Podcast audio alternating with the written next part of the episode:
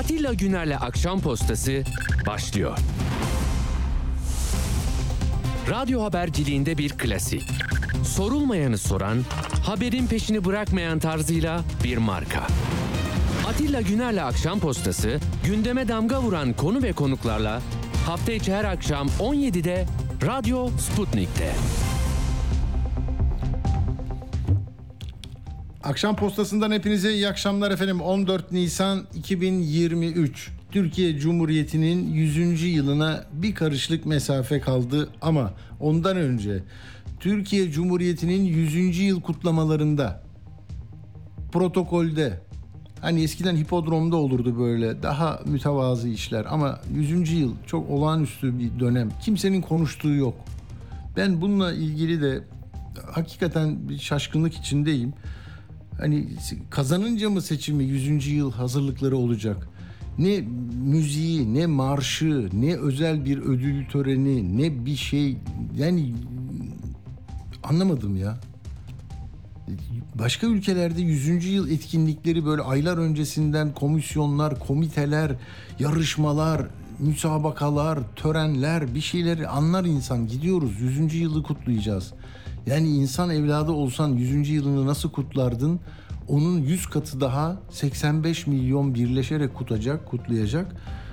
Neyse bu da böyle bir notum olsun. Yani bunu e, belki de taraflardan hangisi ciddiye alıyorsa bir komiteyle çıksın. Yani ben bunu alıyorum. İşte şu tarih hocası, bu sosyolog, bu işte Nobel'e aday olmuş bilmem ne, şu yazar, çizer değil mi? Türkiye'nin değerlerini temsil eden bir şeyle ben böyle bir yüzüncü yıl kutlayacağım. Bir şey ya. Bilmiyorum katılır mısınız? Yani yatalım şey mi yani böyle seçimi bekleyelim dur bakalım hani cumhuriyet mi kazanacak falan böyle mi yani? Bilmiyorum ki. Hani kazanırsa kim kazanırsa ona göre onun nabzına göre mi şerbet vereceğiz yani? Ya bu herkesin üstünde bir şey bu. Yüzüncü yıl. Allah Allah. Bana da yani şimdi milliyetçi duygularımı kabartıyorsunuz benim. Hani milliyetçilik öyle bir şey değil tamam mı? Hani gidip de Erkan Baş'ın geçmişinden hareketle böyle terbiyesizce laflar edince mi milliyetçi olunuyor yani? He? Böyle geldiniz, şuradan geldiniz, siz Zazasınız, siz işte muhacirsiniz, siz busunuz, siz Alevisiniz, Kürtsünüz, affedersiniz Ermenisiniz, yok Yahudisiniz, üzerine bir sıfatlar, bir şeyler böyle dangır dungur o değil mi? Yok bak bunu hep beraber yani bu saydığım bütün bizim zenginliğimiz olan o kitlelerle, gruplarla, herkesle beraber kutlayacağımız bir şey olacak. 29 Ekim'e az kaldı. Herhalde 15 Mayıs'ta bakacağız bu işlere diye düşünüyorlar. Tamam. Şimdi ne diyecekse bir ay kaldı ya 14 Nisan'dan ben de nereden nereye 29 Ekim'e gittim yani Mayıs, Haziran, Nisan değil mi? Nisan, Mayıs, Haziran, Temmuz, Ağustos, Eylül, Ekim 6 ay. E o da uzak, uzak bir şey değil ki yani 6 ay sonra da bu bunu kutlayacağız. Bakalım kutlamaya gücünüz olacak mı? Ruhunuz el verecek mi? İklim ona müsait mi? Neresinden kutlayacaksınız? Çünkü bak adam çıkıyor diyor ki e, değil mi? Şimdi iktidarı temsil eden gücün yedek oyuncusu yani küçük oyuncusu diyelim. E, Hüdapar'ın sözcüsü Batman'da çıkmış. Milletvekili aday adayı kendisi. Hüdapar Genel Başkan Yardımcısı, parti sözcüsü Serkan Ramanlı Diyor ki bugün 100 yıl öncenin kabusuna bizi uyandırmak isteyen bir güruh var. Gördünüz? 1923 hilafet kalkmış. Değil mi? Hani diyordu ya bizim düşünme düşünce setlerimizi bile değiştirdiniz Mahir Ünal. Böyle diyordu. Hani eski Türkçe kalacaktı. Dilimizi değiştirdiniz, alfabemizi değiştirdiniz. Latin harfleri geldi. Ya bu mesele, bu rövanşı alma konusundaki iradeleri hiç törpülenmedi ya. İnanılır gibi değil. Bugün 100 yıl öncenin kabusuna bizi uyandırmak isteyen. Yani 100. yılı niye kutlayamayacağız? Bu bunların e, bu laflarına bakınca anlıyor musunuz? Adam kabus diyor. 1923'te paramparça edilmiş bir e, düşman gemisiyle terk etmiş padişah e, var ortada. Beni alın efendim diyor. Alıyorlar götürüyorlar dışarıya. zaten borca batırmış, bitirmiş ülkeyi. Ondan sonra onun üzerinden bir Mustafa Kemal arkadaşları, halk beraber hareket etmişler. Ee, Sevr'le paramparça edilmiş bir ülkeden toprak yaratmışlar, vatan yaratmışlar, bayrak dalgalanmış, ağlayarak İstiklal Marşı okutulmuşlar. Onlar şimdi vatan düşmanı, terörist, 100. 100. yılı kabusa uyandırmak istiyorlar diyen insanlar da burada. Ve onlar 21 yıllık iktidarın sürmesi için e, ne devreye sokuldu. Yeni oyuncu olarak devredeler. Bu değil mi? Ya. Yani durumun hani bazen de diyor ya iktidar sahipleri de bu 5 yıllık bir şey değil. Bundan sonra kader seçimi, önümüzdeki 50 yılın, 100 yılın seçimi. Bence de öyle. Bence de öyle. Hani bir gün çünkü bu arkadaş gelip tamam düşüncede hiçbir sorun yok ama bu ülkenin harcı, birleştiği yer, cumhuriyet. Ya bayrak ve seccade edebiyatı yapanların asıl söylemek istediği bu. Mahir Ünal da söyledi işte gazı alınsın diye kenara konuldu. Şimdi aday da değil ama yarın bakan olacak eğer kazanırsa Cumhur İttifakı. Şimdi bu arkadaş da diyor ki kabus diyor ya. Kabus diyor. Bak belki de milyonlarca insan var diyor. Ee, Bugün buradan dağılıp gittiğinizde 30 günlük çok kısa bir süreç hepimizden bir ricam var. Bugün 100 yıl öncenin kabusuna bizi uyandırmak isteyen güruh var. Güruhuz biz, güruh. Tamam mı? Yani nasıl kutlayacağız Cumhuriyeti ya? 100. yıl komite olsa veto etmeyecek mi bu adamlar? Bunlar da bakan olacak, vekil vekil olacak. Mahir Ünallar olacak. Diyecek ki ya bizim düşünce setimizi yok edenlerin ne bayramı ya? E biz kendimiz mi Cumhuriyeti ku, ku, kutlayacağız yani? Kutlayın. Evinizde, hanenizde kutlayın. Bahçenizde kutlayın. Mahallenizde kutlayın. Tamam kasabanızda ama o Cumhuriyet işte. Onun içi içi boşaltılmamış kısmını temsil ediyorsunuz siz. Yoksa yoksa oraya gelip oraya rakip olmak, oraya gelip iki sarhoş demek, bilmem ne Atatürk'e şeye e, İnönü'ye ya da gidip soyadını hiçbir zaman kullanmadan e, hitap etmek Mustafa Kemal'e ya da ölüm yıl dönümünde Cuma'ya denk gelir Cuma hutbelerinde adını anmamak. Hatta Ayasofya'yı o böyle yaptı diye değil mi? Hakaretler falan oldu ya.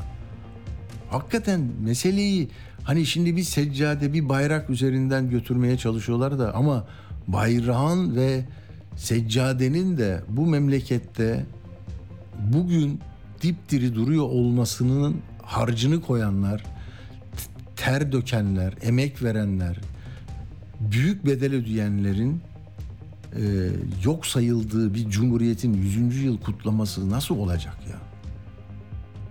Ben istiyorum ki bu cumhuriyeti her şeyden bağımsız böyle doya doya gözümüzden yaş aka aka ama sesiyle, rengiyle, coşkusuyla, rengarenk hepimizin olduğu, hiç ayrım olmayan ama birlikte keyif alacağımız oh be 100 yıl.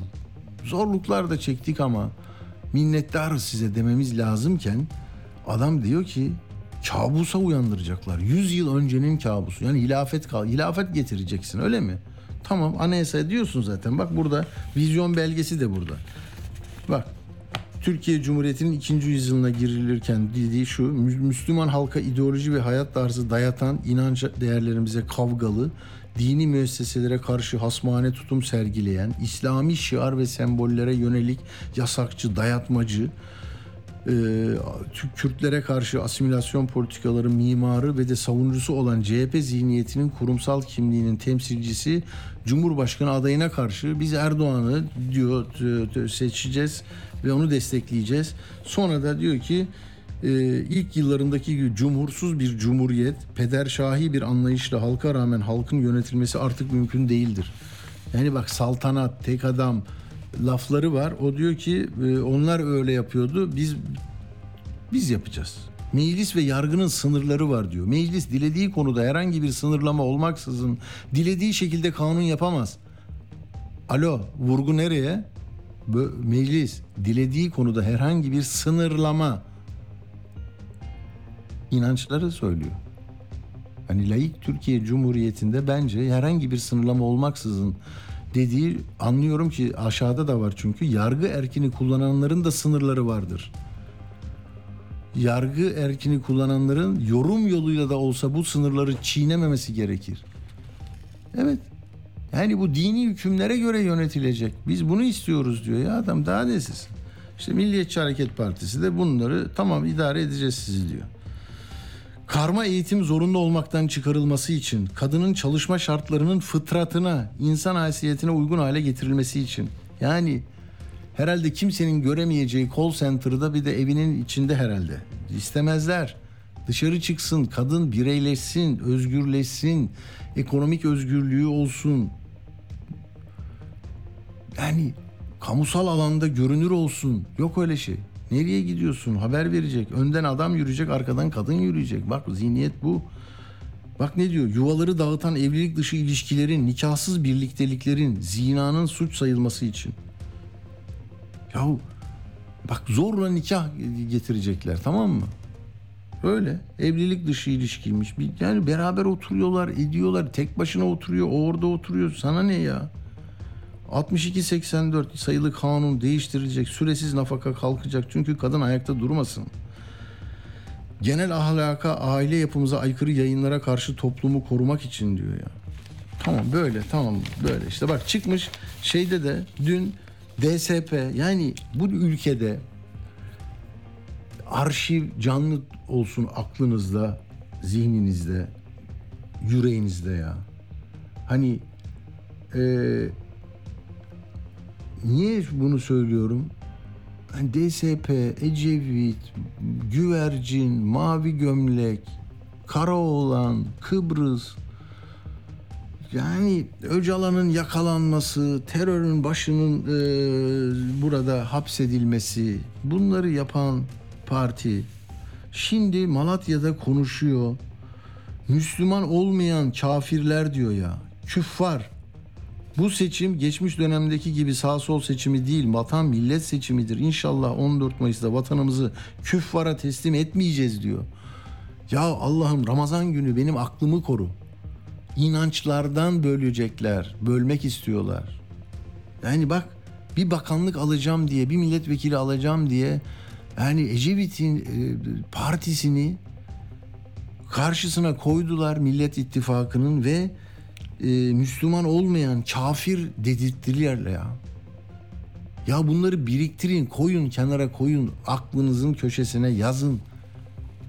Bu nasıl bir parlamentoymuş ki 600'de bir olmak için insanları inançlarıyla, kimlikleriyle, etnik özellikleriyle, kökleriyle yargılayıp, parçalayıp, karşıya koyup sonra da hadi gelin bize oy verin. Bak onların hepsi mavi köşe. Biz kırmızı köşeyiz. Bu kadar kolay mı ya? Ortaokul bahçesinde hani çocuklar oyun oynarken bile hani böyle karşı takım falan derken bile ölçülü davranırlar ya. Koca koca adamlar ne yapıyorsunuz siz ya?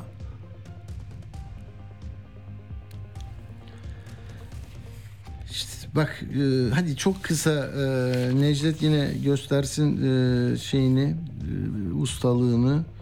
Şimdi e, bu ma, şey Batman'da Serkan Ramanlı 100 yıl öncesinin kabusu. O lafı duyalım çıkalım. Önder Aksakal'a gidelim. O lafı duyalım çıkalım. Sonra da Akşener'i e, arkasından dinleyelim. Arka arkaya gelsin tamam mı Neco? Hadi. Bugün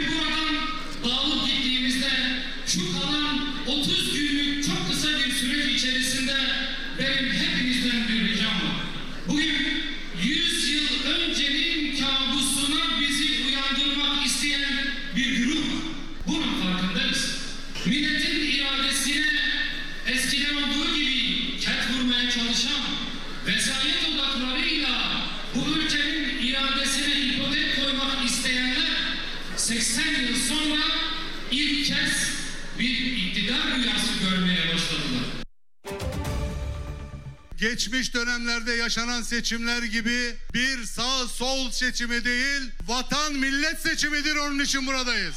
Bizler Büyük Önder Mustafa Kemal Atatürk'ten aldığımız bu emaneti, Cumhuriyetimizi ilel ebed yaşatma sözünü vermiş bir milletiz. Onun yolunda yürüyen Bülent Ecevit'in evlatları olarak da vatan bölünmez, bu bayrak inmez diyerek siyaset yapan insanlarız. Onun için önümüzdeki 14 Mayıs'ta inşallah vatanımızı küfara teslim etmeyeceğiz.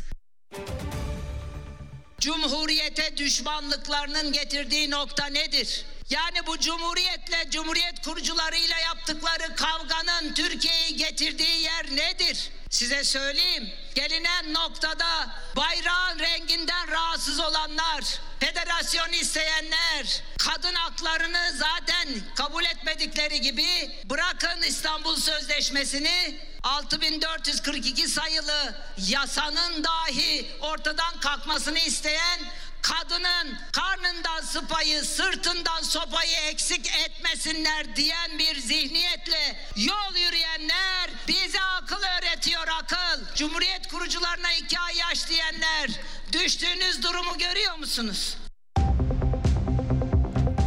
Evet yani giderek seçim soğanı, eti, geçim sıkıntısını, yarın endişesini ve biz nasıl bir 21 yılda nereye geldik? Sözler neydi? Tablo ne? Skor ne?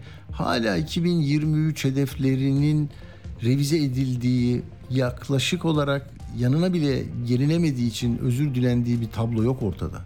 Onun yerine Hani böyle alay komutanı bilmem alay bayrağını böyle teslim alır falan ya. Yani en kutsiyet atfedilen şey orduda hani sancaktır. Bir sancağı çıkardılar, bir seccadeyi çıkardılar. Bunların arasında e, seçim yapın diyorlar. Bunlar çünkü e, bakın e, düşmanla işbirliği yapıyor. Düşman artık o kandil, e, terörist ve bir de üstüne çıkıyorlar. Bak ne dedi? DSP'ye bile e, dinsiz bunlar, kafir dedirttir. Bu bu bu bu bu siyaset yani bu kadar ayrıştıran, kutuplaştıran, bölen bir siyaset iktidar e, yani iktidara giden yolları bu taşlarla örmeye çalışıyor. Şimdi bunun anladılar ki e, başka bir şey yok ortada. Ha bir arada da tabii kenar süsleri olarak e, işte otomobil, bir cihaz, işte bir e, deniz e, askeri deniz aracı vesaire onlarla da biz bunu yapıyoruz. Ama işte muhalefeti e, yeneceğini düşündüğü alan ve minder burası olunca Kılıçdaroğlu bak Mansur Yavaş'la beraber artık onlar da vatan, bayrak bizim sorunumuz yok demeye başlıyorlar. E, bu bu e, karşı hücumu göğüslemek içiyorlar. Savun, savunma hattı yapıyorlar gibi. Yani o sesi de dinledikten sonra hemen konuğuma e, hoş geldin diyeceğim. Kılıçdaroğlu dün Ankara'da Mansur Yavaş'ın dördüncü yıl e, yıl dönümü nedeniyle yaptıklarını, yapacaklarını anlattığı e, o toplantıda e, söylediklerini bir küçücük dinleyelim. Bakın orada artık e, yani merkezi demokrasi, insan hakları, hukuk, adaletten nereye getirdi e, hakim güç? Çünkü ses çok çıkıyor. Sesi çok çıkıyor. Televizyonu, bilmem nesi, propagandası, kamu gücü Evet şimdi vatan mı, bayrak mı, seccade mi, kıble mi? Bunları sizi seçime bunlarla götürmek istiyorlar. Kemal Bey de buna gardını almış gibi. Bakın ne diyor. Efendim işte bunlar geldiler şöyle derip terörle iltisaktı şununla işbirliği bununla işbirliği bir sürü laflar bir sürü palavralar bir sürü yalanlar söylüyorlar. Açık ve net söylüyorum açık ve net Millet İttifakı'nın iki kırmızı çizgisi vardır. Bir vatan iki bayrak o kadar nokta. Bir daha ifade edeyim Mısır'daki Sağır Sultan da duysun. İki kırmızı çizgimiz var bayrağımız ve vatanımız. Gözümüzü kırpmadan gözümüzü kırpmadan bayrağımızı indirmeyiz, vatanımızı terk etmeyiz. Hiç kimse endişe etmesin. İstanbul kaybedilirse, Ankara kaybedilirse Mekke düşer dediler. Kudüs elden gider dediler. Uçurumdan önceki son çıkış dediler. Zillet bela, cumhur beka dediler.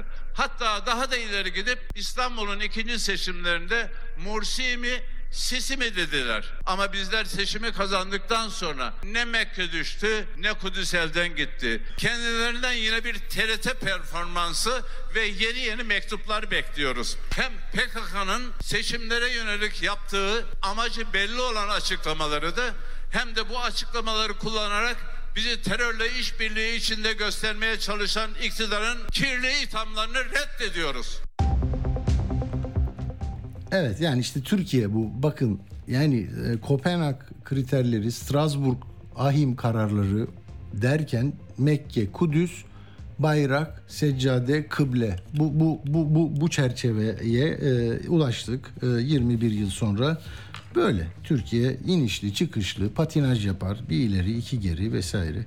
Şimdi e, ben e, Kürt Çalışmaları Merkezi'nden Reha e, Ruhavioğlu'yla e, görüşeceğim. Reha Bey merhaba, hoş geldiniz.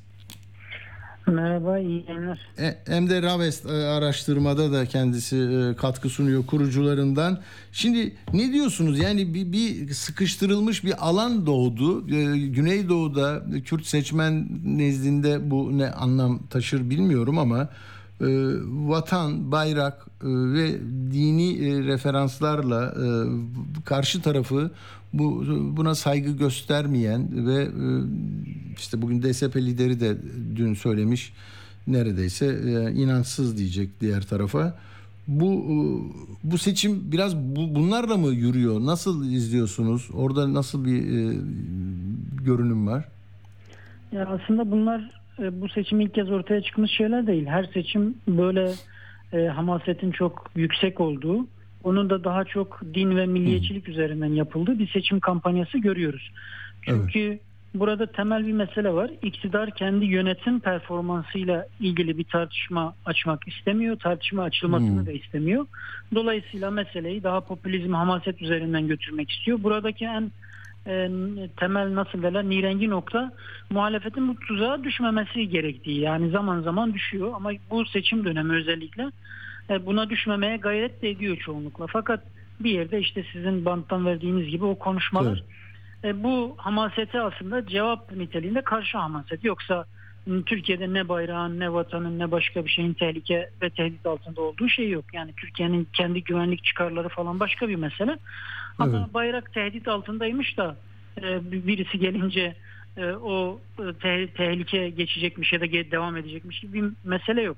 Bu Değil mi? Sanki çok özür dilerim ha. Yani böyle 1940'lı yıllarda hani Nazi ordusu Yunanistan, Bulgaristan noktasında biz burada Topkapı Sarayı'ndaki bir hazineyi bile, kültürel mirasları bile Anadolu'ya doğru taşıyan bir ülkenin çocuklarıyız. Yani orada bir şey vardı ve e, herhalde bu kadar bayrak gidiyor kavgası yoktu. Şimdi saldırı altında değiliz. E, çok bambaşka bir 100. yılını e, daha farklı e, idrak edecek bir ülkedeyiz ama e, bu zaman zaman böyle bir rüzgar, bir iklim yaratılıyor. Ya maalesef bu bu seçim üzeri e, bu, hamaseti ve popülizmi daha yaşayacağız ama burada temel iki mesele var görebildiğim kadarıyla. Birincisi toplum bu hamasetten, bu kutuplaşma dilinden vesaire yoruldu. İkincisi de AK Parti 2002'den bu yana e, ne zaman yükselmişse umut temelli bir siyaset e, işleterek yükseldi. E, fakat son dönemlerde bakıyoruz AK Parti korku e, pompalayan bir siyaset gidiyor. Bu AK Parti'nin kendi siyaset stratejisinin değiştiği anlamına geliyor. Öbür taraftan Kemal Kılıçdaroğlu'na bakıyorsunuz. Aslında 2007'lerin onların korku pompalayan Cumhuriyet mitingleriyle falan filan yani hem Evet. Kürtlere hem muhafazakarlara korku pompalayan CHP de bugün umut temelli bir strateji izliyor. İnsanlara hep beraber birlikte olacağız. Ülkemizi düze çıkaracağız. Biz bu iktidarı göndereceğiz diyor. Yani şeyler e, siyaset stratejileri yer değiştirmiş e, görünüyor. Bu muhalefet açısından olumlu bir şey. Çünkü insanlar e, yoruldular bundan. İşte e, Muharrem İnce'nin bu Babala TV'deki programının fragmanını görmüşsünüzdür.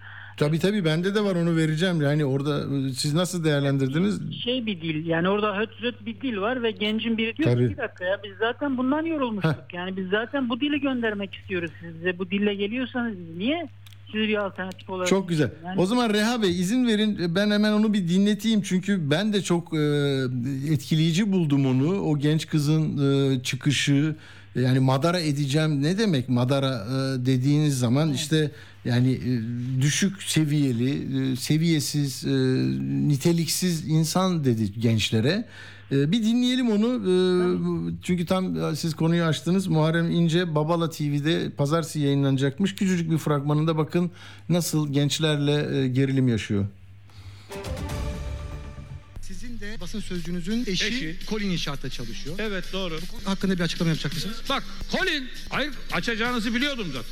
Madara olun diye erken yaptım. Madara mı oluyoruz biz şu Tabii anda? madara oluyorsunuz. Sinirlerinize biraz hakim olun. Ya Lütfen salondan özür dileyin. Lütfen sözünüzü geri alır mısınız? arkadaşlar Biz zaten bundan bıktık. Biz zaten bize bu şekilde konuşulmasından, böyle davranılmasından bıktık. 21 senedir zaten bize bu şekilde hesap ediliyor ve biz artık bunu değiştirmek istiyoruz. Bugün şu an bu durumdaysanız, böyleyseniz yarın iktidara geldiğinizde nasıl olacaksınız çok merak ediyorum. senin FETÖ'yle yakın bir ilişkin var da ne kadar yakın onu bilmiyorum. Kimin benim mi? Evet evet. İddia edip ispatlayamayan. Aynen bir saniye öyle. sakin olalım. Muhalefete muhalefet ederek gidiyorsunuz. Geldiğiniz dakikadan beri. İki gün öncesine kadar listeler açıklanana kadar ben de Memleket Partisi'nden milletvekil aday adayıydım. Acaba akrabalarınızdan herhangi biri birinci sıradan bir şehirde aday mı? Bunu soruyorum. Aday. Biliyorsunuz sorduğum şehri. Tabii tabii İlan Düzürek burada. Evet burada evet o nobran dil var değil mi? Bu gençler de ona itiraz ediyorlar. Burada neyi söyleyecektiniz siz Reha Bey? Yani şunu söyleyecektim. Ee, Erdoğan'ın bugün bize bizi mecbur ettiği kampanya bu popülizm, bu hamaset dili bir yorgunluk yaratmış vaziyette toplumda ve bunu korku korku temelli bir siyasetle sürdürünce sizin dezavantajınıza işliyor. Şu karşı taraf e, yer yer bu tuzağa düşse de genel ölçekte daha makul, daha mutedil, umut vaat eden bir siyaset izliyor. Şimdi burada şeyi şuradan referans vermiştim. Ya işte Muharrem İnce eğer bir alternatif olmak istiyorsa bu bu yanlış Tabii. bir yol yöntem. Şimdi yanında onun çevresinde o daha doğrusu ona yönelik hızlıca yükselen bir ilgi var biliyorsunuz. Şimdi Evet. bunun gibi birkaç tane hata yaptığınızda insanlar abi nereye gelmişiz der giderler. Çünkü o insanlar zaten sizi pek de tanıyarak gelmemişler. İki seçenek arasında da e, bir tercih yapmak istemiyorlar. Sizi üçüncü bir seçenek olarak görüp size yönelmişler. Zaten sizin sem- sadık seçmeniniz size oy vermiş insanlar değiller. Dolayısıyla Muharrem İnce muhtemelen kendi seçim biletini yani seçimi ikinci tura götürecek ve kendi elini güçlendirecek bileti muhtemelen kendisi yakacak. Öbür taraftan muhalefetin şu noktada bence dikkat dikkatli olması gerekiyor.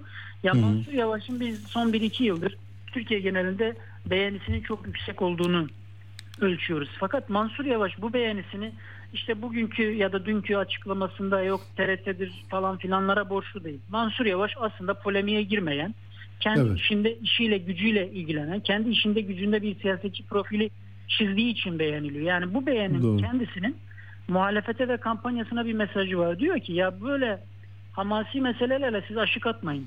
Zaten biz o meseleden yorgunuz. Dolayısıyla siz işinize gücünüze bakın bize Türkiye'yi nasıl düze çıkaracağınızı söyleyin. Örneğin gençler nasıl geçinecekler? Ev kiraları ne olacak? Pazar cep yakan pazar meselesi ne, neye dönüşecek? Ekonomimiz nasıl iyileşecek? Liyakat nasıl düzelecek? İfade özgürlüğümüz nasıl yerine gelecek? Tabii. Bunları anlatın bize diyorlar. Dolayısıyla bugün kampanyaların ve stratejilerinin yer değiştirmiş olması sebebiyle zaten hükümet doğal bir dezavantaj hali içinde. Diğer taraftan muhalefet de doğal bir avantaj içinde.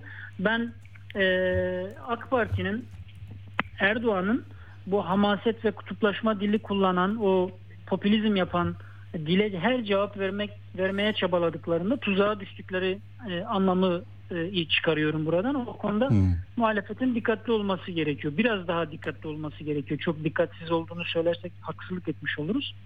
Değil mi? Peki bölgede Diyarbakır'da durum nasıl e, Reha Bey? Yani şimdi kaç e, vekil çıkarıyor? Gal- 13'tü galiba değil mi bu sene yine bu seçimde 13 ve- vekil mi çıkaracak? Toplam toplam 12 milletvekili var Diyarbakır'ın. 12. Peki şimdi e, geçen sefer 9-4 galiba değil mi? HDP 9'du. E, 9 9'a 3'tü evet. Peki orada e, tablo ne? E, Bu tartışmaların ekseninde Hüdapar'ın katılımı hani Kürt seçmen üzerinde e, bu dini referanslarla da mesajlar veriyorlar. Onlar e, anladığım kadarıyla e, Cumhuriyet'in 100. yılıyla ilgili de kabus demiş Batman'daki konuşmada aday. Yani orada da bir şeyler değişiyor. Seküler yaşam biçimi, anlayışı da ben Yusuf Ekinci'nin bir kitabını okumuştum. Orada da araştırma yapmış doktorasında. E, yani daha muhafazakar ailenin çocukları daha böyle yaşam pratikleriyle vesaire daha farklı e, tecrübeler edindiler. O, o, o çerçeve içinde e, nasıl görüyorsunuz? Nasıl bir görünüm arz ediyor? Ya burada e, yani Diyarbakır ya da genel olarak e, Kürt illerinde Hüdapar'ın muhtemel ya potansiyel oy tabanıyla HDP'nin oy tabanları arasında bir kere bir geçişkenlik yok. Hüdapar daha çok AK Parti seçmenine benzeyen bir demografiden oy alıyor. Kendi cemaatik diyebileceğimiz tabanı dışında en potansiyel e, oyu e, AK Parti'de. E, dolayısıyla AK Parti seçmeniyle Hüdapar seçmeninin bir havuza toplanmış olması AK Parti'ye burada bir saha mobilizasyonu kazandırıyor. Yani Hüdapar'ın genç, diri bir teşkilat yapısı var. Bazı illerde örgütlüler ve özellikle Zekeriya Yapıcıoğlu'nun sahneye çıktığı yerlerde e, ortamı coşturuyorlar ki Zekeriya Yapıcıoğlu'nun bu ittifaka dahil olmasının etkisi, moral etkisi görülsün. Fakat öbür taraftan Hüdapar son tahlilde muhafazakar bir parti ve AK Parti bu seçime bir muhafazakarlık sözleşmesi oluşturarak gitti. Yani yeniden Refah Partisi Tabii. ile Hüdapar'la yani muhafazakarlığı merkeze alan bir stratejiyle gidiyor. Bunun e, şeyi yani HDP'nin potansiyel kitlesini azaltma ihtimali yok. Ancak AK Parti'den gidecekleri bir miktar orada durdurabilirsiniz. Sizin e, Yusuf Ekinci'nin doktora teziyle ilgili e, şey göndermeniz çok yerinde. Çünkü orada şöyle bir mesele var. Yani muhafazakar ailelerin çocukları e, hamaset yorgunluğu, popülizm yorgunluğu, din yorgunluğu, Tayyip Erdoğan yorgunluğu gibi bir dertle muzdaripler. Dolayısıyla Zekeriya Yapıcıoğlu'nun sahneye çıktığı yerlerde sizin işte e, muhafazakar sloganlar, dini terminolojiyle e, ortalığı coşturmanız o insanları yaklaştırmaz. Uzaklaştırır belki ama yaklaştırmaz. Yani bir insan olarak, bir siyasetçi olarak Zekeriya Bey çok e, nasıl derler iyi bir insandır. Onda ona e, itirazım yok. Fakat parti politikası olarak muhafazakarlığı bu kadar merkeze almanız sizin burada en fazla AK Parti'ye ortak eder. Yani toplumu büyütmez. E, bu ailelerin çocukları da e, aileleri tarafından örneğin son kez Erdoğan diyelim gibi bir e, şeye bir dile ikna edilemezler. Çünkü televizyona ya da miting meydanına baktıklarında onlardan aslında o çok uzak e, konuşan, farklı bir dil kuran, arada jenerasyon farkını çok net gösteren bir dil kuruluyor. Dolayısıyla ben bu muhafazakarlık sözleşmesinin AK Parti'nin çok e, lehine işleyen bir şey olduğunu düşünmüyorum ama Diyarbakır gibi, Batman gibi yerlerde belki Hüdapar'ın hem seçmen tabanı hem de mobilizasyon gücünü kullanarak bir e, sonuç elde etme muradı var. Örneğin Diyarbakır'da 12 milletvekilinin 9'unu HDP, 3'ünü AK Parti almıştı. Fakat Hüdapar buraya bağımsız girmişti ve 35 bin oy almıştı. Yani %4,5'a yakın 4-4,5 arası bir oy almıştı. Şimdi Hüdapar'dan beklenen bu 35 bin oyunu koruması ve onu getirip AK Parti logosuna bastırması. Böylelikle Evet. AK Parti şunu gözetiyor. Diyor ki ben Diyarbakır'da bir milletvekili kaybediyordum. ikiye düşüyordum. Ama Hüdapar bu oyunu getirirse e, ben üçü, üçü koruyabilirim gibi bir hesabı var. Bu hesap yani stratejik olarak mantıklı ama bugünden tuttuğunu söyleyemeyiz. E, diğer taraftan çünkü CHP bölgede büyüyor. Hem AK Parti'nin e, rahatsız merkez sağ profil olan biraz muhafazakar da olan Kürtleri ayrılıp CHP'ye gittiler. Hem ilk kez oy kullanacak gençlerden CHP'ye bir ilgi var.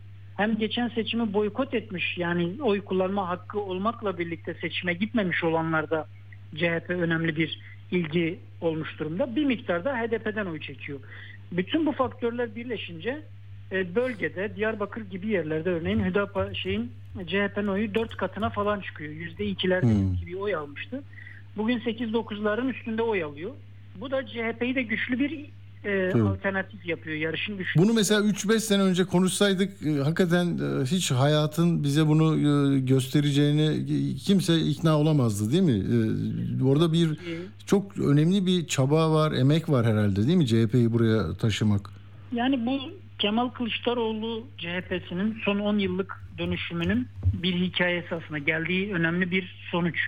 Çünkü biz o günlerde bu, bu kadar açık e, göstergeler olmamakla birlikte bazı dönüşüm sinyalleri görülüyordu. İşte ulu çok e, nasıl derler katı Kemalist ulusalcıların partiden uzaklaşması, İslamcılardan, Kürtlerden Sezgin Tanrıkulu, Mehmet Bekaroğlu gibi figürlerin partiye davet edilmesi belli ki partinin içinde bir devinim vardı. Fakat Kemal Kılıçdaroğlu'nun kendisi de zaten şeyi söylüyor. Ya 10 yıl önce Diyarbakır'da CHP rozeti takmak Tabii. cesaret isterdi. Yani itibarı yoktu anlamında söylüyorum.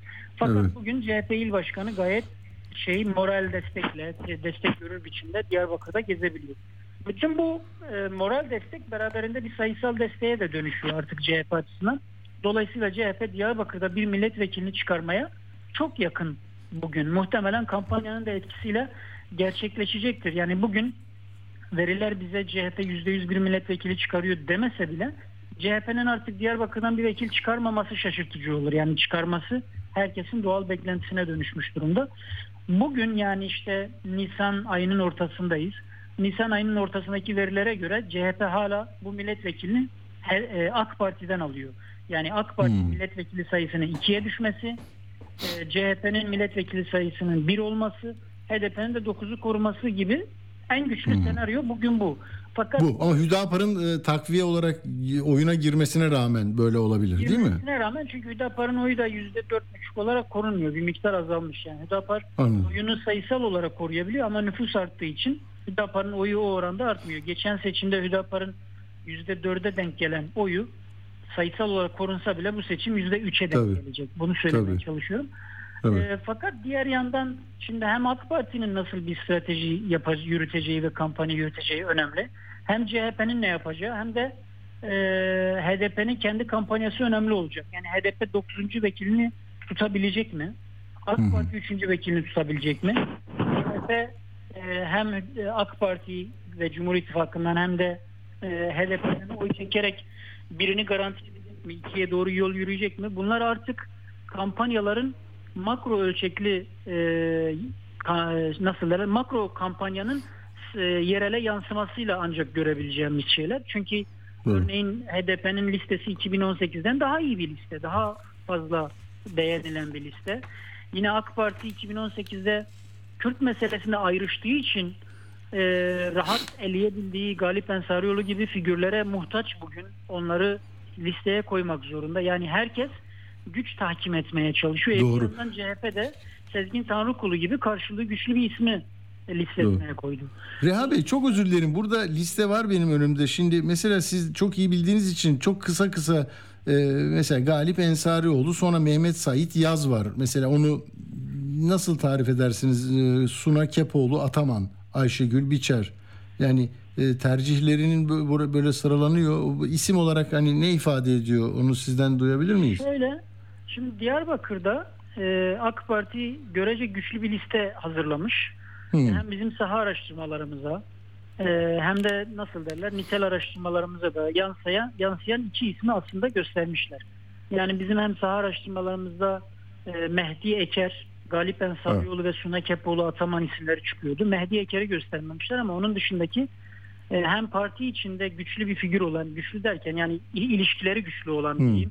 İşte Emine Erdoğan'la Süleyman Soylu'yla ilişkileri güçlü olan bir Suna Kepoğlu adayı gösterilmiş. Hem de 2018'de aday gösterilmeyen ama Kürt meselesindeki aykırı tutumu sebebiyle aday gösterilmeyen e, fakat Ensarioğlu ailesinin e, nasıl derler karizmatik ve güçlü bir aktörü olan Ensa, Galip Ensarioğlu aday göstermiş. Bu iki isim güçlü isimler. Şimdi Evet. Sait Yaz Ulu Cami'nin eski imamı. Hmm. Dolayısıyla Sait Yaz'ı aday göstermekle Hüdapar seçmeninin e, listede kendisine yer bulabilmesi gibi bir murat sezilmiş e, görülüyor.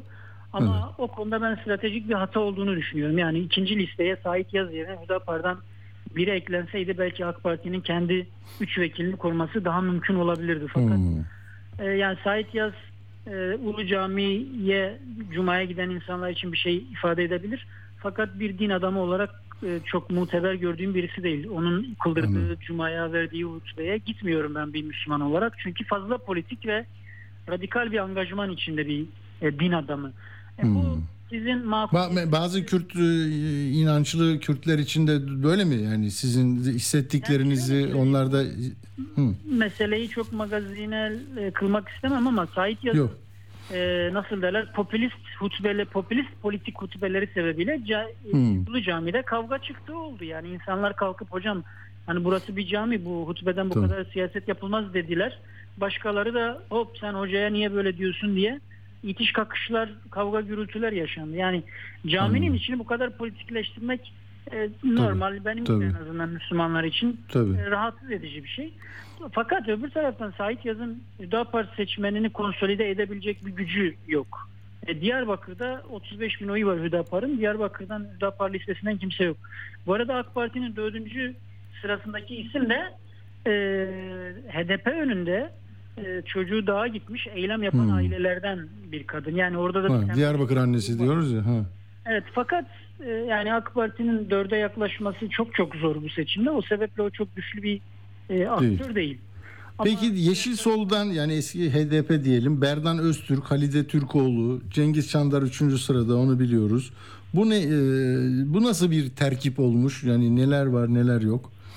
Yani HÜDAP e, şeyin özür dilerim Yeşil Sol'un ya da HDP'nin listesi e, hem e, hukukçularımız yani şehrin bir kere kıymetli hukukçuları var içinde. Mehmet Emin Aktar gibi Serhat Eren Evet. hukukçular var. İkincisi e, HDP'ye yakın e, kadın hareketinden isimler var. İşte benim bildiğim Adalet Kaya var.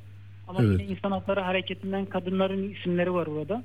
Diğer Sevilay var. Cengiz, Cengiz Çan, ha, Sevilay Çelenk Diyarbakır Özel, hı hı. toplumunun sevdiği bir e, akademisyen. Onunla burada beraber çalışmalarımız oldu. Tanırız, biliriz.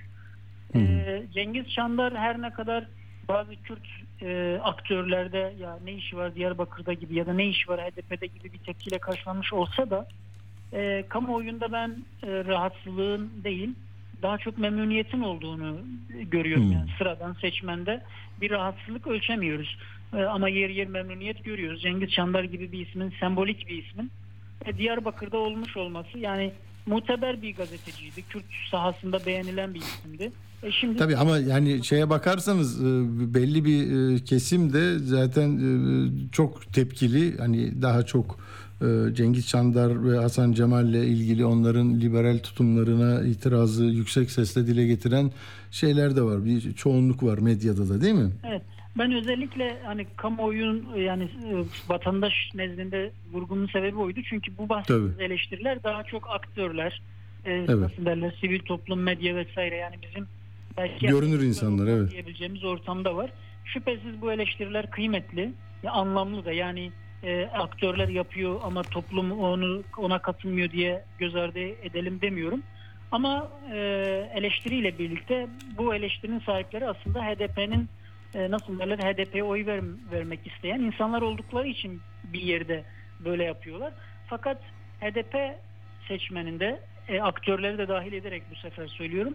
Aday profili oy verme davranışını değiştirecek kadar güçlü bir faktör değil. Yani eleştirenler HDP'ye oy Evet. vereceklerse yine gidip vereceklerdir. Fakat eleştirenler belki elleri zor gidecektir sandığa ama e, önemli olan burada profil coşkuyu arttırması ama Doğru, listede doğru. isimlerin olduğunu da biliyorum. Yani baro çevresinde muteber isimler var örneğin. Hukuk Doğru. camiası, diğer Peki camiası beğenir. Ee, Reha Bey e, çok e, faydalı oluyor bu sorularımızı da yönelterek daha iyi anlıyoruz. Hemen dinleyiciler de zaten katılmışlar. Mesela Yeni Sol, e, Yeşil Sol Parti seçmeninin tipe bakış açısı nedir diyor e, Muharrem Bey. Yani pek olumlu değil diye e, söyleniyor. E, Böyle bir şey var mı? Yani işte görünür bir şey var mı? Yani e, tiple HDP arasındaki bu listede ortaklaşamama mevzusu e, birincisi HDP seçmenine bir e, moral desteği zayıflatıyor tipe karşı.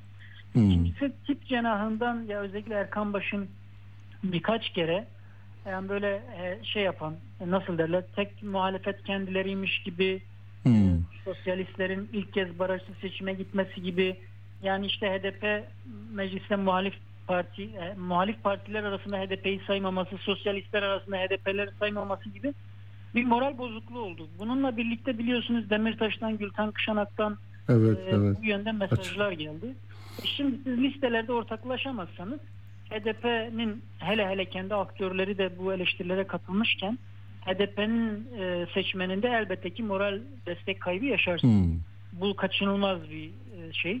Yani Diyarbakır'da tip seçime girmeyecek ama örneğin biz 3-5 ay önce sorsaydık ve bugün sorsaydık tipe moral destek açısından da mu- mutlaka önemli bir fark ortaya çıkardı. Bir kere HDP cenahının sizinle ilgili olumlu şeyleri kenara çekildi. Yani HDP'den tiple ilgili olumlu mesajlar artık gelmiyor. Eskiden geliyordu. Hem seçmen Evet. düzeyinde hem aktörlerden. E bunun önemli bir etkisi var. Tipe yönelik o moral destek kesilmiş vaziyette. Diğer taraftan hani tipin 50 küsür ya, ya da 87 e, seçim bölgesinin sadece 52'sinde girecek olması zaten kendisini ölçecek iddiasını da %100 gerçekleştiremiyor. Diğer 34 bölgede e, neyse geri kalan sayıda tipin Evet. karşılığını göremeyeceğimiz için ya tipin ben kendimi ölçmek istiyorum iddiası da bir e, şey bir ze- zedeleniyor oradan. Ama Hmm. esas mesele bence hem HDP'li aktörlerin hem HDP seçmenin bugün hala tiple ilgili olumsuz e, değerlendirmelerinin sebebi şu. İstanbul'da, İzmir'de, e, Muğla gibi yerlerde tip HDP'ye rakip. Dolayısıyla ikisinin de Hatay'da, ikisinin de aynı anda milletvekili çıkaramaması gibi bir sonuç e, Hmm. ortaya çıkması çok muhtemel. Yani İstanbul'da çok basit bir örnek anlatacak olursak diyelim ki Ahmet Şık'ın seçilmesi için 100 bin oy lazım ama Ahmet Şık 120 bin oy aldı. E, HDP'nin son milletvekili adayı da 80 20 bin oyla 20 bin oyla seçilmeyi kaybetti diyelim.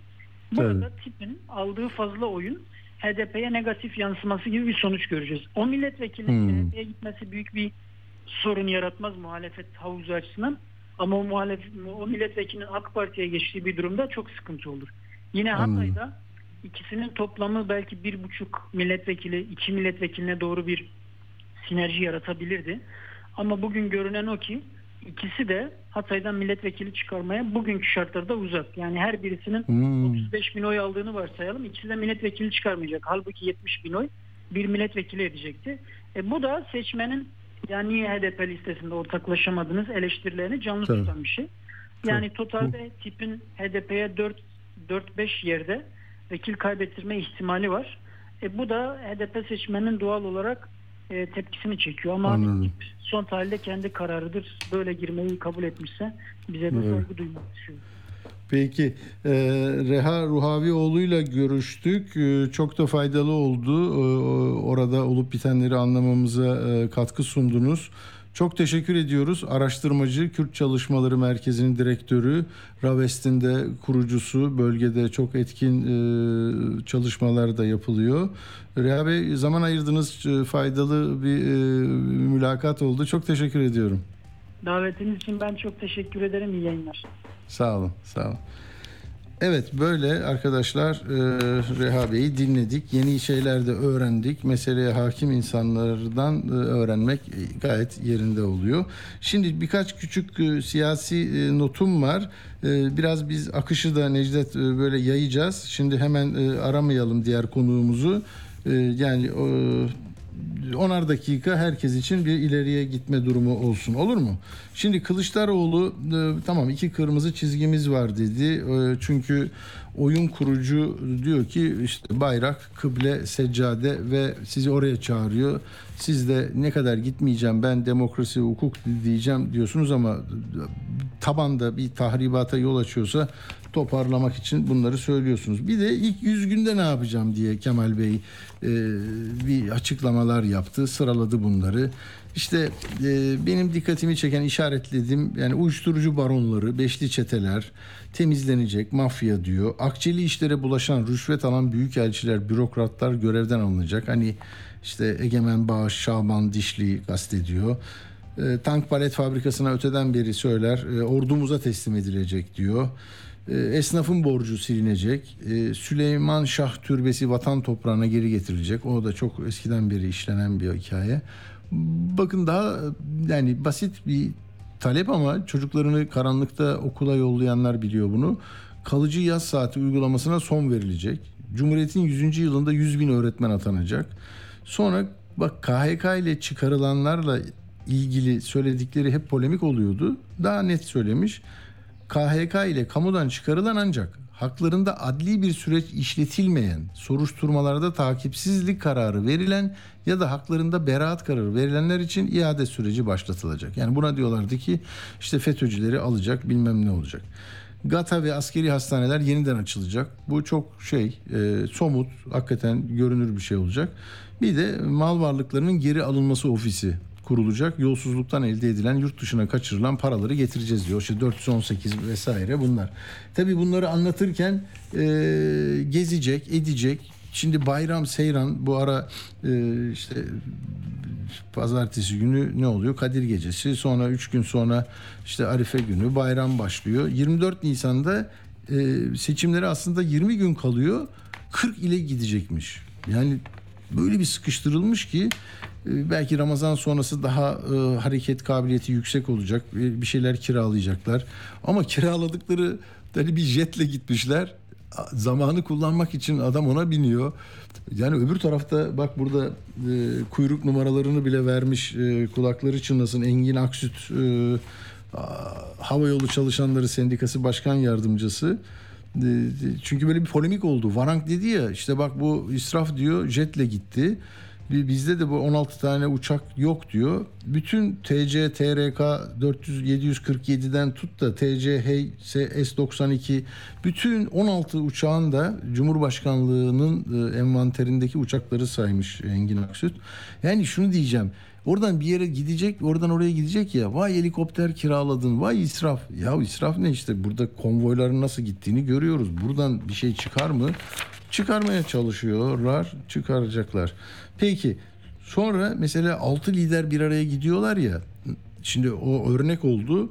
Ne yapıyor? Yeniden Refah'ı, e, DSP'yi, işte şey Hüdapar'ı da Erdoğan yanına alıyor. Onlar da altılı bir görünüm veriyorlar. Hani biz de bak daha e, geniş bir yelpazedeyiz diye. E, ne olacakmış? Mesela bayramda Millet İttifakı deprem bölgesinde olacakmış. Bütün hepsi. Ee, er- şey Kılıçdaroğlu Adıyaman'da, Malatya'da Akşener, Hatay'da İmamoğlu, Yavaş Kahramanmaraş'ta 30 Nisan'da da 6 lider e, iki, iki büyük bel- belediye başkanıyla İzmir'de olacaklarmış. Böyle hızlı bir tempo gidiyor. Ee, bunu da söylemiş olayım. Şimdi bugün e, ne var başka? Bir de e, ha Erdoğan ne yapmış? Cuma namazı sonrası e, yani so- sor- sorulan sorular değil, sor- sordurulan sorular e, ne olacak efendim? Üsküdar'daki Hazreti Ali Camisi'ne. Buraya çok sık gidiyor, evine de yakın diye. E, diyor ki şehir hastanesini açacağız. E, şehir hastanelerimiz Cleveland'ı geçti diyor. Amerika'daki bu sağlık konusunda e, önemli bir yer. E, sonra ne diyor? E, Bir de diyor ki işte 11 e, vilayetin tamamında temel atıyoruz, ediyoruz. Her şey yolunda gidiyor diyor. Yani hastane ve temel atma. Başka bir şey yok. e, Soru yok, cevap da yok. Onu da söyledik. Şimdi e, bir de neydi? Ha bu AYM'deki tartışmayı biliyor musunuz? Gördünüz mü bugün bilmiyorum. Madımak kararı bu tam hukuk içinde bir şey tamam mı? Yani bunu tabii itiraz edenler var. Akla, mantığa, vicdana uymadığını düşünenler var. Haklılar.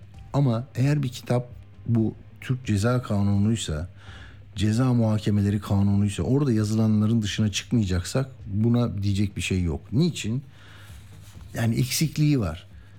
Ee, Şimdi Madımak'ta insanları diri diri yakan, e, yaktıkları iddiasıyla yargılananlardan birisi müebbet, ağırlaştırılmış müebbet almış. Yunus Karataş. Tamam. Ee, bu diyor ki e, ben e, e, şeyle koşullu salı verme hükümlerinden yararlanamadım. Çünkü bana terör suçlusu diye uygulamıyorlar.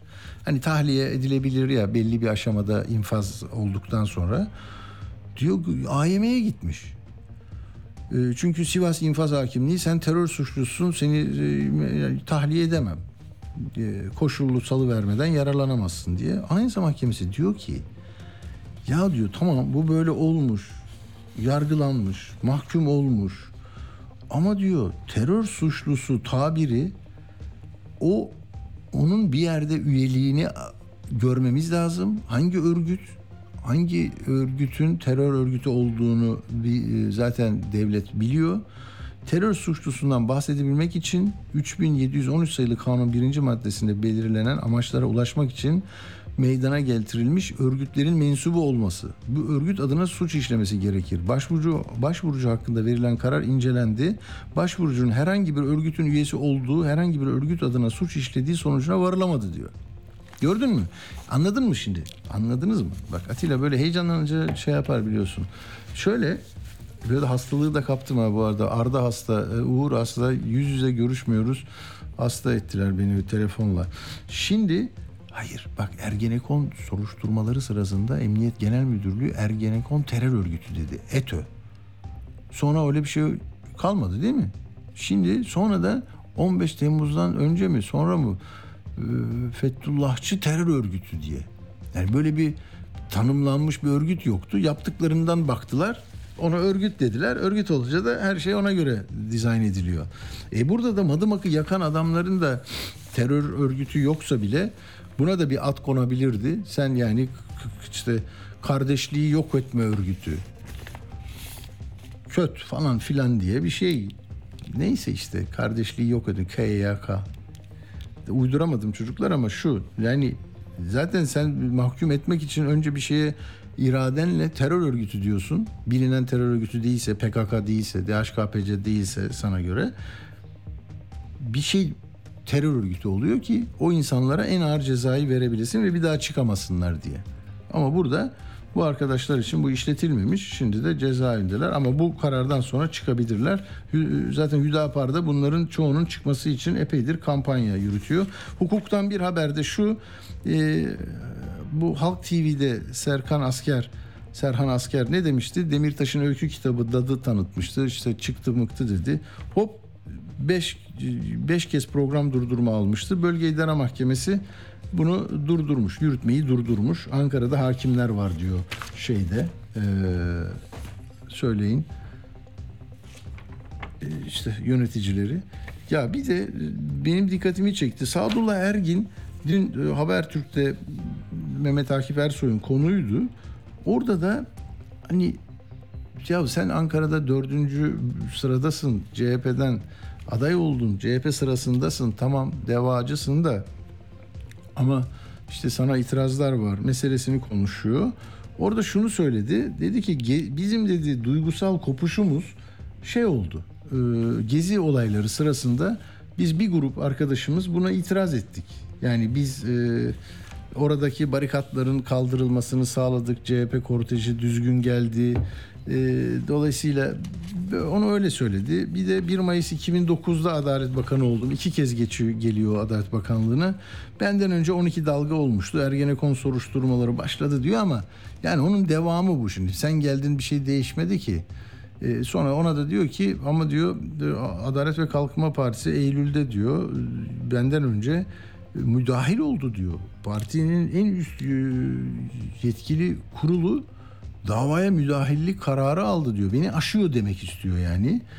Ee, bir de generallerin tutuklanmasını istedi Zekeriya Öz. Ee, o konuşmuş. Ee, Zekeriya Öz'le tanışıyor musunuz, görüştünüz mü dedi Mehmet Akif. O da dedi ki bir kere görüştüm. O da dedi muvazzaf generalleri gözaltına alma kararı vermişti dedi. Bunun önüne geçmek için dedi bypass yaptım dedi. Gittim onunla konuştum. Ne yapmak istiyorsun dedim dedi. Sonra başsavcı dedi Aykut Bey vardı o zaman. Hemen dedi bir şey yayınladı. E, şeye yolladı. E, askere, garnizon komutanlığına. E, benim imzam olmadan başka bir savcının imzasıyla kimse tutuklanamaz. Bana bildir diye. Dolayısıyla dedi önledik dedi. Şimdi görüyor musunuz? Yani şimdi bak konuşurken bile ne çıkıyor?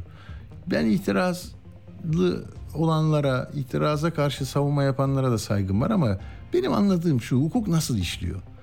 Bir tane adam gelmiş orada duruyor. Nasıl gelmiş ya? Yani Pensilvanya'dan böyle yazıyorsan bir zarfa koyuyorsun tak göreve geliyor. Buradan e, alıyorlar onu koyuyorlar. Nöbetçi hakimleri ayarlıyor, tutukluyor, saldırıyor. Emniyete gidiyor, baskın yapıyor bir gün böyle. Deli dolu adam. Süleyman Soylu'nun demeçleri var. Onun gibi şerefli e, vatan evlatları Zekeriya Özmü falan. Herkes ona vay muazzam devrim yapıyor, her şeyi yapıyor diye. Oradan bir savcı koskoca Cumhuriyet e, yönetimini yani tuşa getirmiş. Adalet Bakanı onu önleyemiyor. Başsavcıya bir şey yayınlayın da diyor askerlere bunun yazdığı yazı geçerli olmasın diyor. Ya nasıl bir şey bu? Adamı bas tokatı al oradan. Bak alamıyorsun çünkü ortaktın. Ortaktı. Yani senin de bakanlığın onun gücün yetmiyordu. Ama nasıl bir hukukmuş bu ya? Yani ahim kararını uygulamayın diyorlar. İşte Kavala dışarı çıkarken içeri tekrar sokuyorlar. Demirtaş'ın kararlarını e, geçersiz kılmak için ahimin oradan buradan şey buluyorlar. 8 sene 7 sene sonra bir dava açıyorlar. Yani böyle bir tamam mı herkes hamuru kendi ellerinle böyle çamurlu mamurlu ellerine gidiyor hamurdan bir şey yapıyor. İşte adalet, hukuk, yargı, bağımsız yargı, adalet serbestçe hareket ediyor. Bıdı bıdı bıdı bıdı.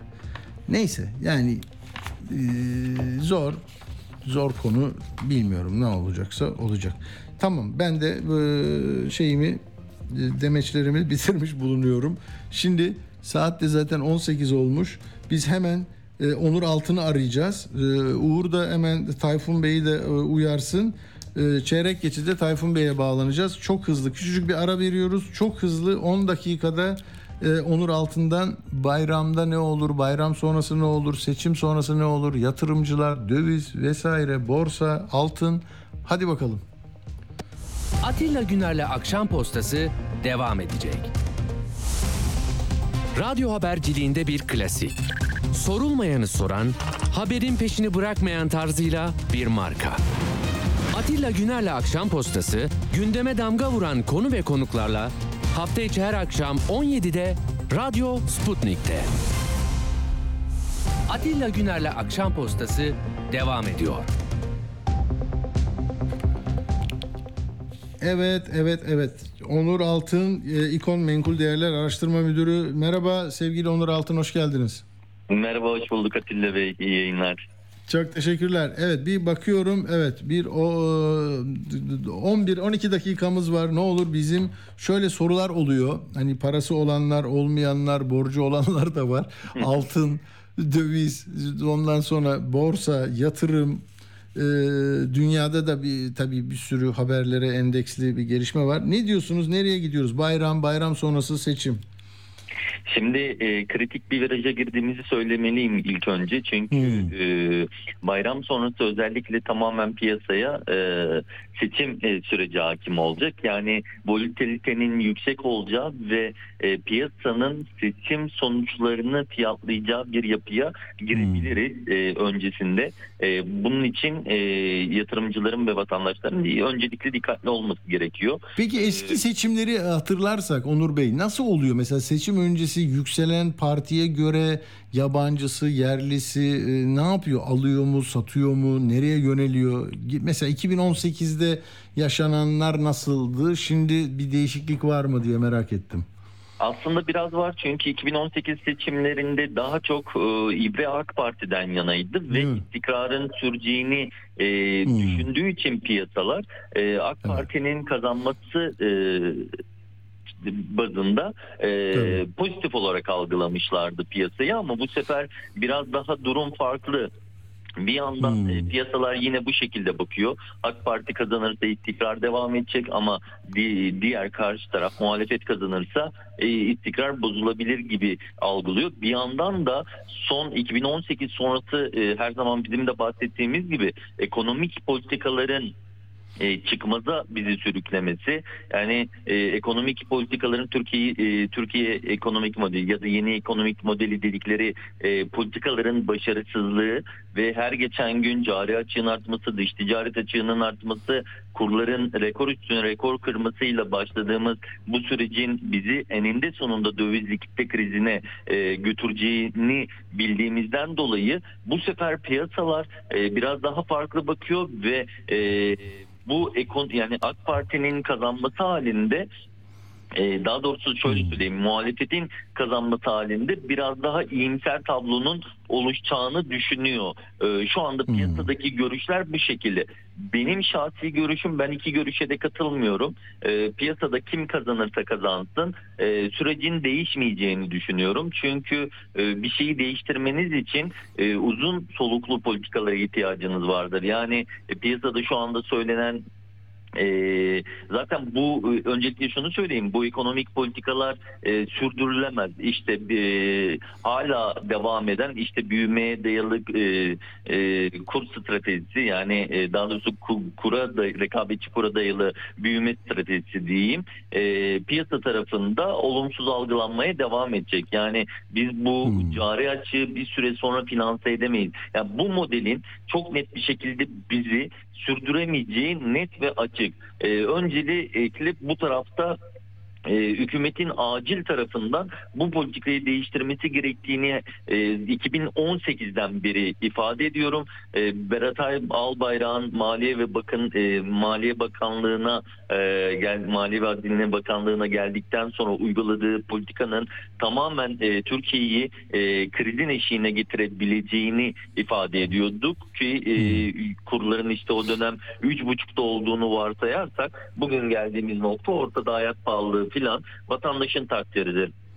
Muhalefet tarafında da şunu eleştiriyorum. E, şu anda e, muhalefet tarafında e, her çıkan e, ekonomist ya da e, partilerin e, ekonomi kurmayları şunu söylüyor. Biz geldikten sonra işte kur düşecek, hayat pahalı. Bu o kadar basit bir şey değil. Hemen e, elinizde sihirli değnek yok. Bunu zamanla yapabilirsiniz. Bunu 3-5 sene e, politikalarla yapabilirsiniz. Yani e, sizin tekrardan ekonomiyi oturtmanız için bir dönem seçimi yani 5 senelik seçimi e, eba etmeniz lazım. İkincisi e, kur tarafı düşmeyecek. Yani kim kazanırsa kazansın kur tarafı düşmeyecek. Neden? Yani 19 yani şimdi 19 küsür ya mesela o 15 lira olmayacak değil mi? Yani Olmayacak. Evet. ha olmayacak. 25 mi olacak, 21 mi olacak bilmiyoruz. Nasıl olacak? Aynı mı olacak? Onu da bilmiyoruz.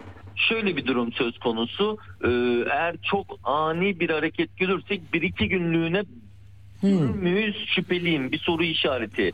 Anladım. Ama kalıcı olmayacağımızın garantisi var çünkü neden var? Ee, Türkiye şu anda e, yaklaşık olarak e, 55 milyar dolar cari açığa sahip. 118 milyar dolarlık dış ticaret açığına sahip. Böyle bir ekonomide siz e, dışarıdan kaynak gelecek kur düşecek diyorsunuz. Ama dışarıdan gelen kaynak ne kadar diye sorduğumuzda 60 milyar dolar. Peki bu ne zaman gelecek? Bir yıl içerisinde. E, siz her, her ay 5 milyar dolarlık cari açık veriyorsanız dışarıdan getirdiğiniz kaynak ancak cari açığı kapatır. Bu neye sebep olur?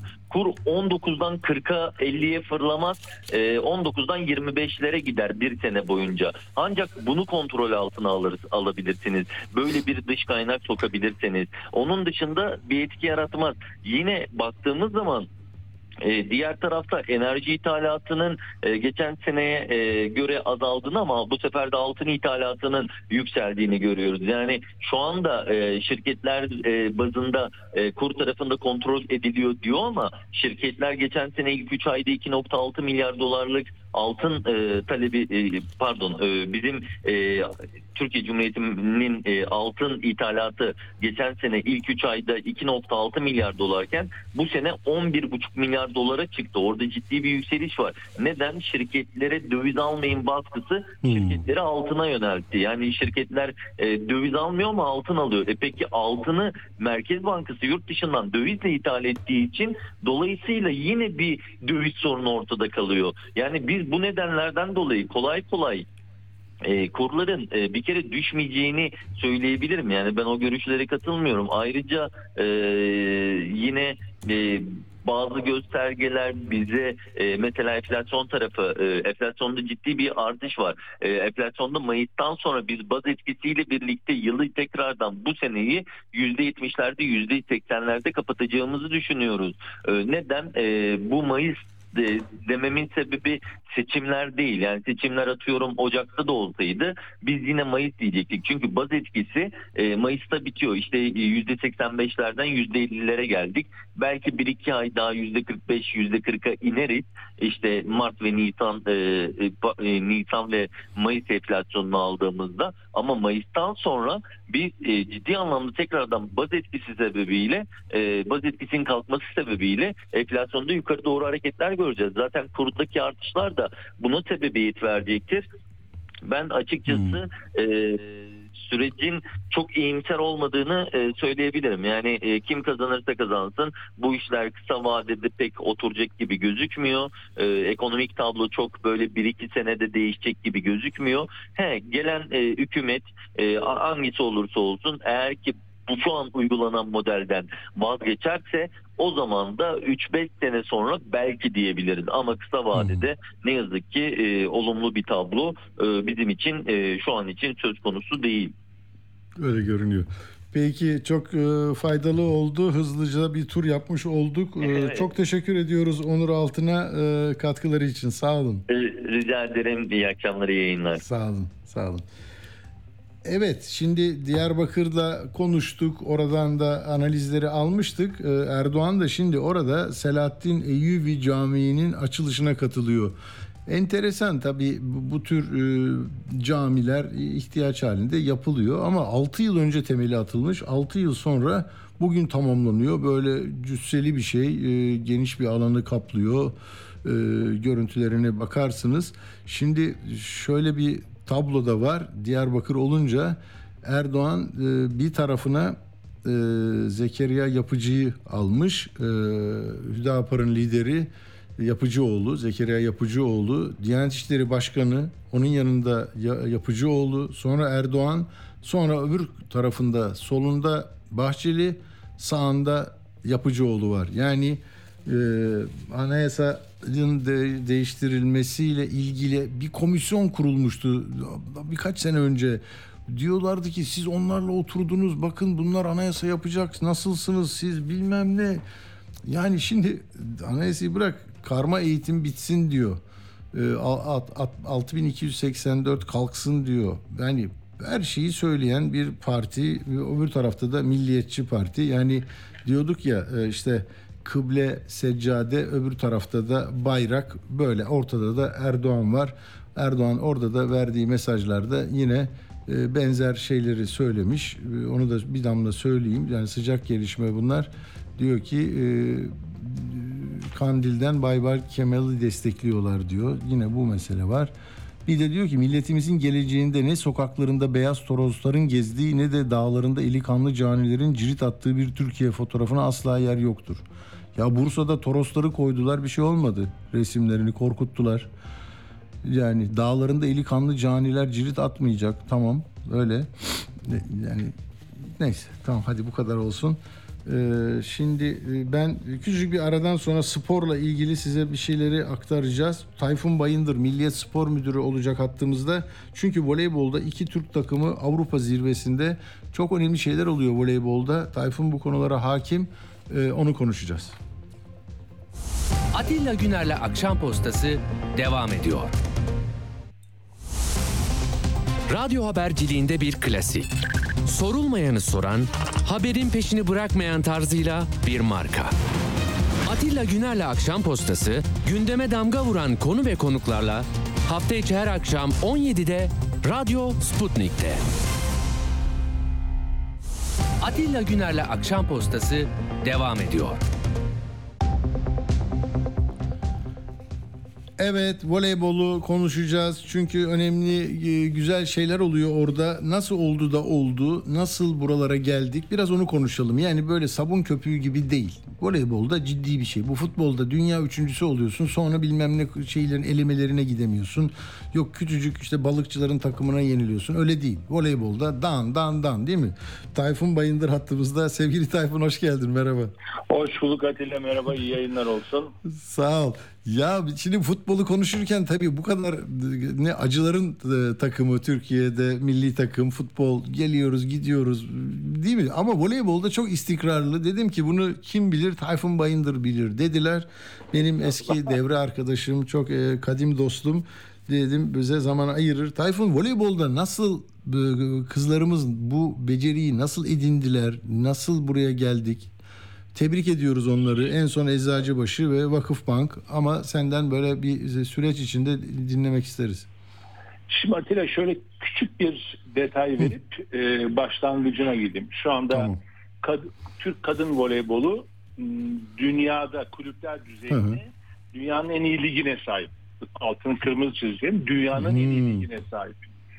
Türk kadın voleybolu uluslararası seviyede milli takımlar düzeyinde dünyanın en iyi 5 takımından bir tanesi. İtalya, Brezilya, Çin onlardan bahsediyorum. Vay. Türkiye Türkiye'de dünya ilk 5 içinde. Türk kadın voleybolu uluslararası seviyede e, olimpiyatlarda sürekli ülkeyi e, ülkemizi temsil eden bir takım.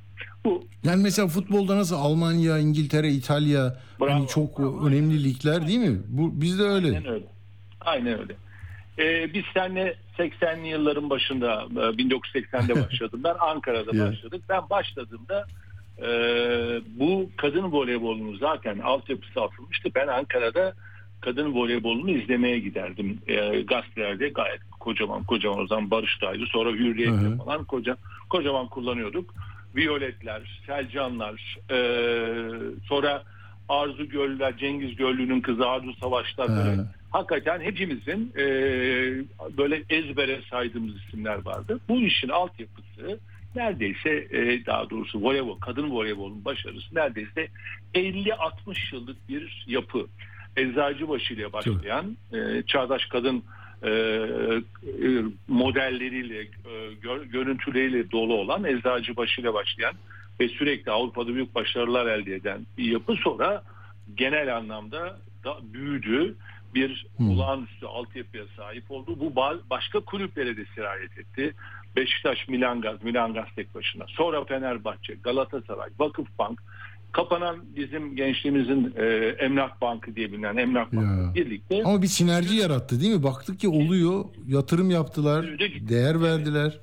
Aynen öyle. Yatırım nasıl yapıldı? Altyapıya yapıldı. Aileler evlatlarını tut da ellerinden getirdiler. Getirmeye devam ediyorlar. Ve bize bize bu 50-60 yıllık e, dönem içinde sürekli 2-3 tane rol model çıktı. Avrupa'ya gittiler. Kadınlarımızı örnek aldılar. Takım halinde şampiyon. Eczacıbaşı'nın çok sayıda Avrupa şampiyonluğu var.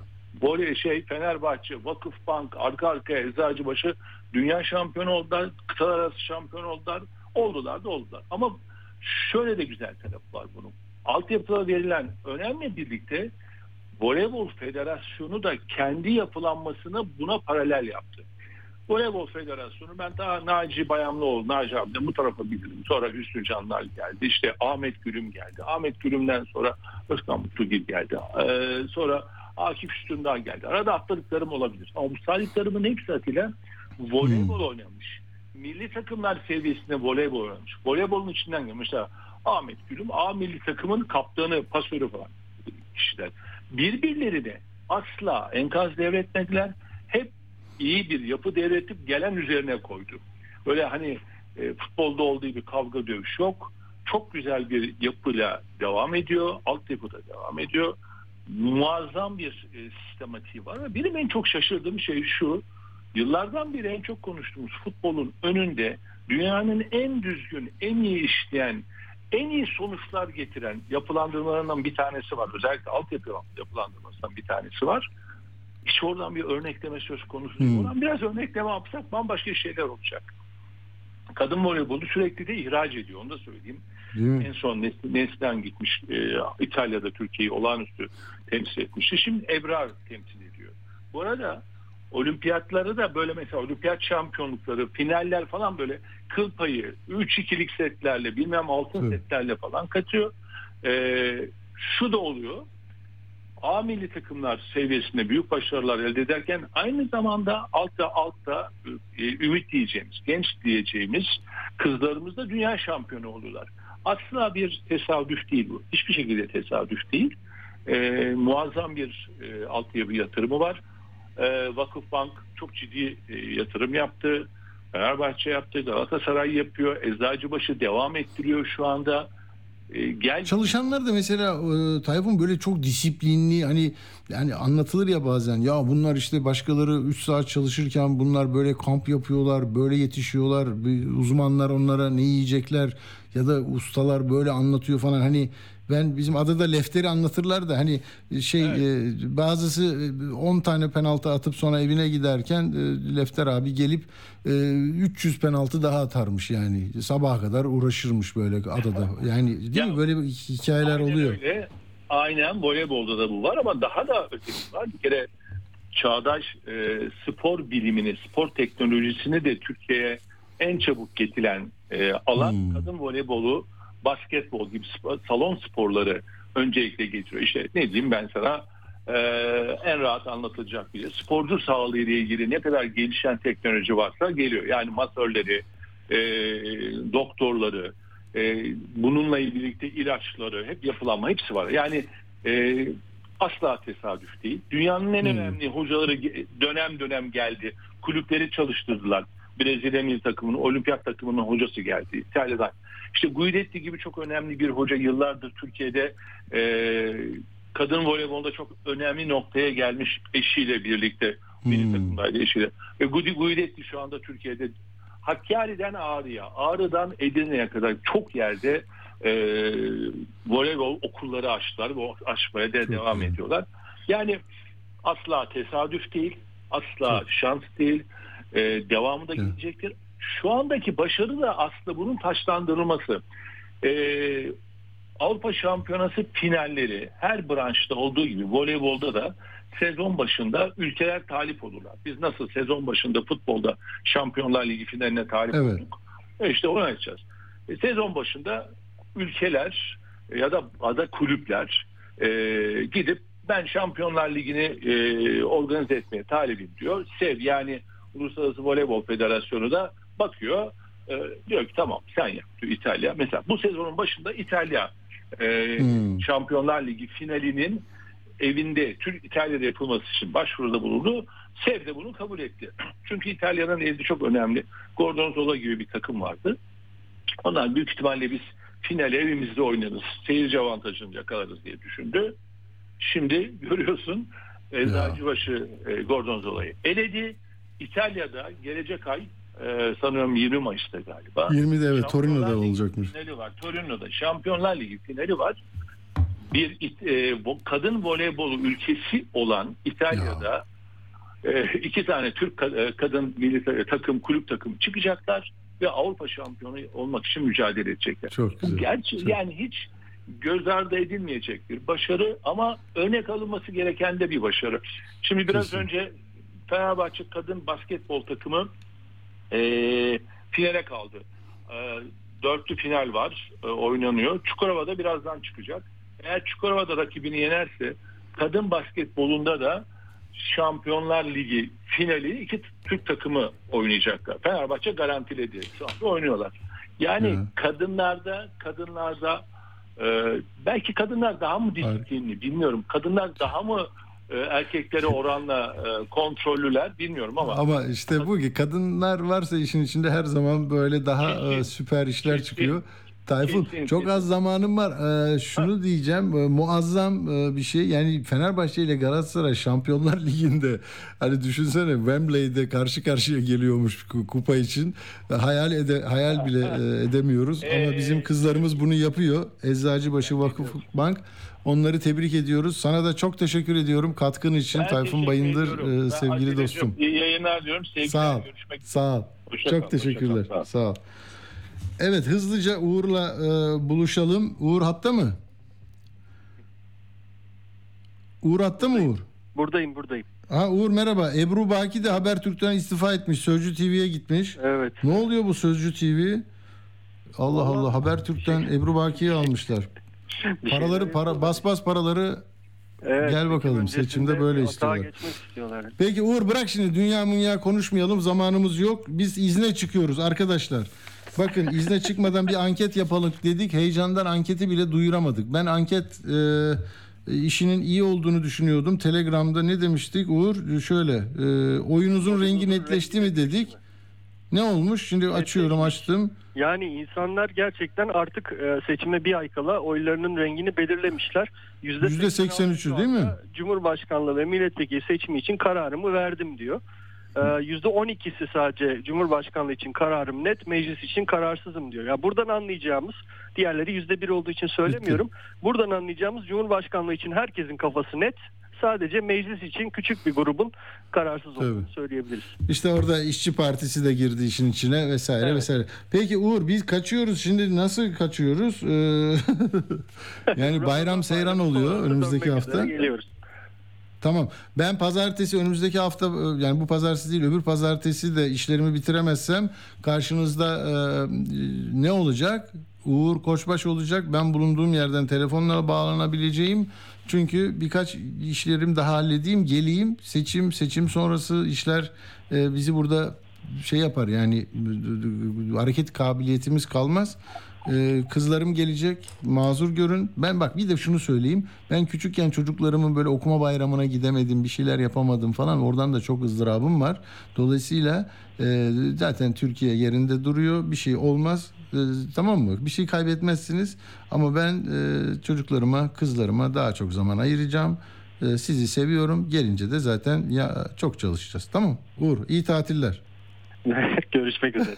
Şimdiden iyi bayram. Uğur'a söz de bırakmadım. O da defnesi var. Defnesiyle ama o daha küçük olduğu için e, son pazartesi günü gelecek. Öbür hafta 17 24'ünde ben gelemeyeceğim. Şimdiden onu söyleyeyim. Ben 25 26'sı be- e, tahmin ediyorum geleceğim. Hadi bakalım. Herkesin bayramı. Bana iyi tatiller. Hoşçakalın. Hoşçakalın. Atilla Güner'le Akşam Postası sona erdi. Me a ticket for an aeroplane. Ain't got time to take a fast train. Lonely days are gone, I'm a going home. My baby just wrote me a letter. I don't care how much money I gotta spend. Got to get back to my baby again. Lonely days are gone, I'm a going home. My baby just wrote me a letter. When she wrote me a letter, said she couldn't live without me no more. Listen, mister, can't you see I got to get back to my baby once more? Anyway, yeah, give me a ticket for an aeroplane. Ain't got time to take a fast train.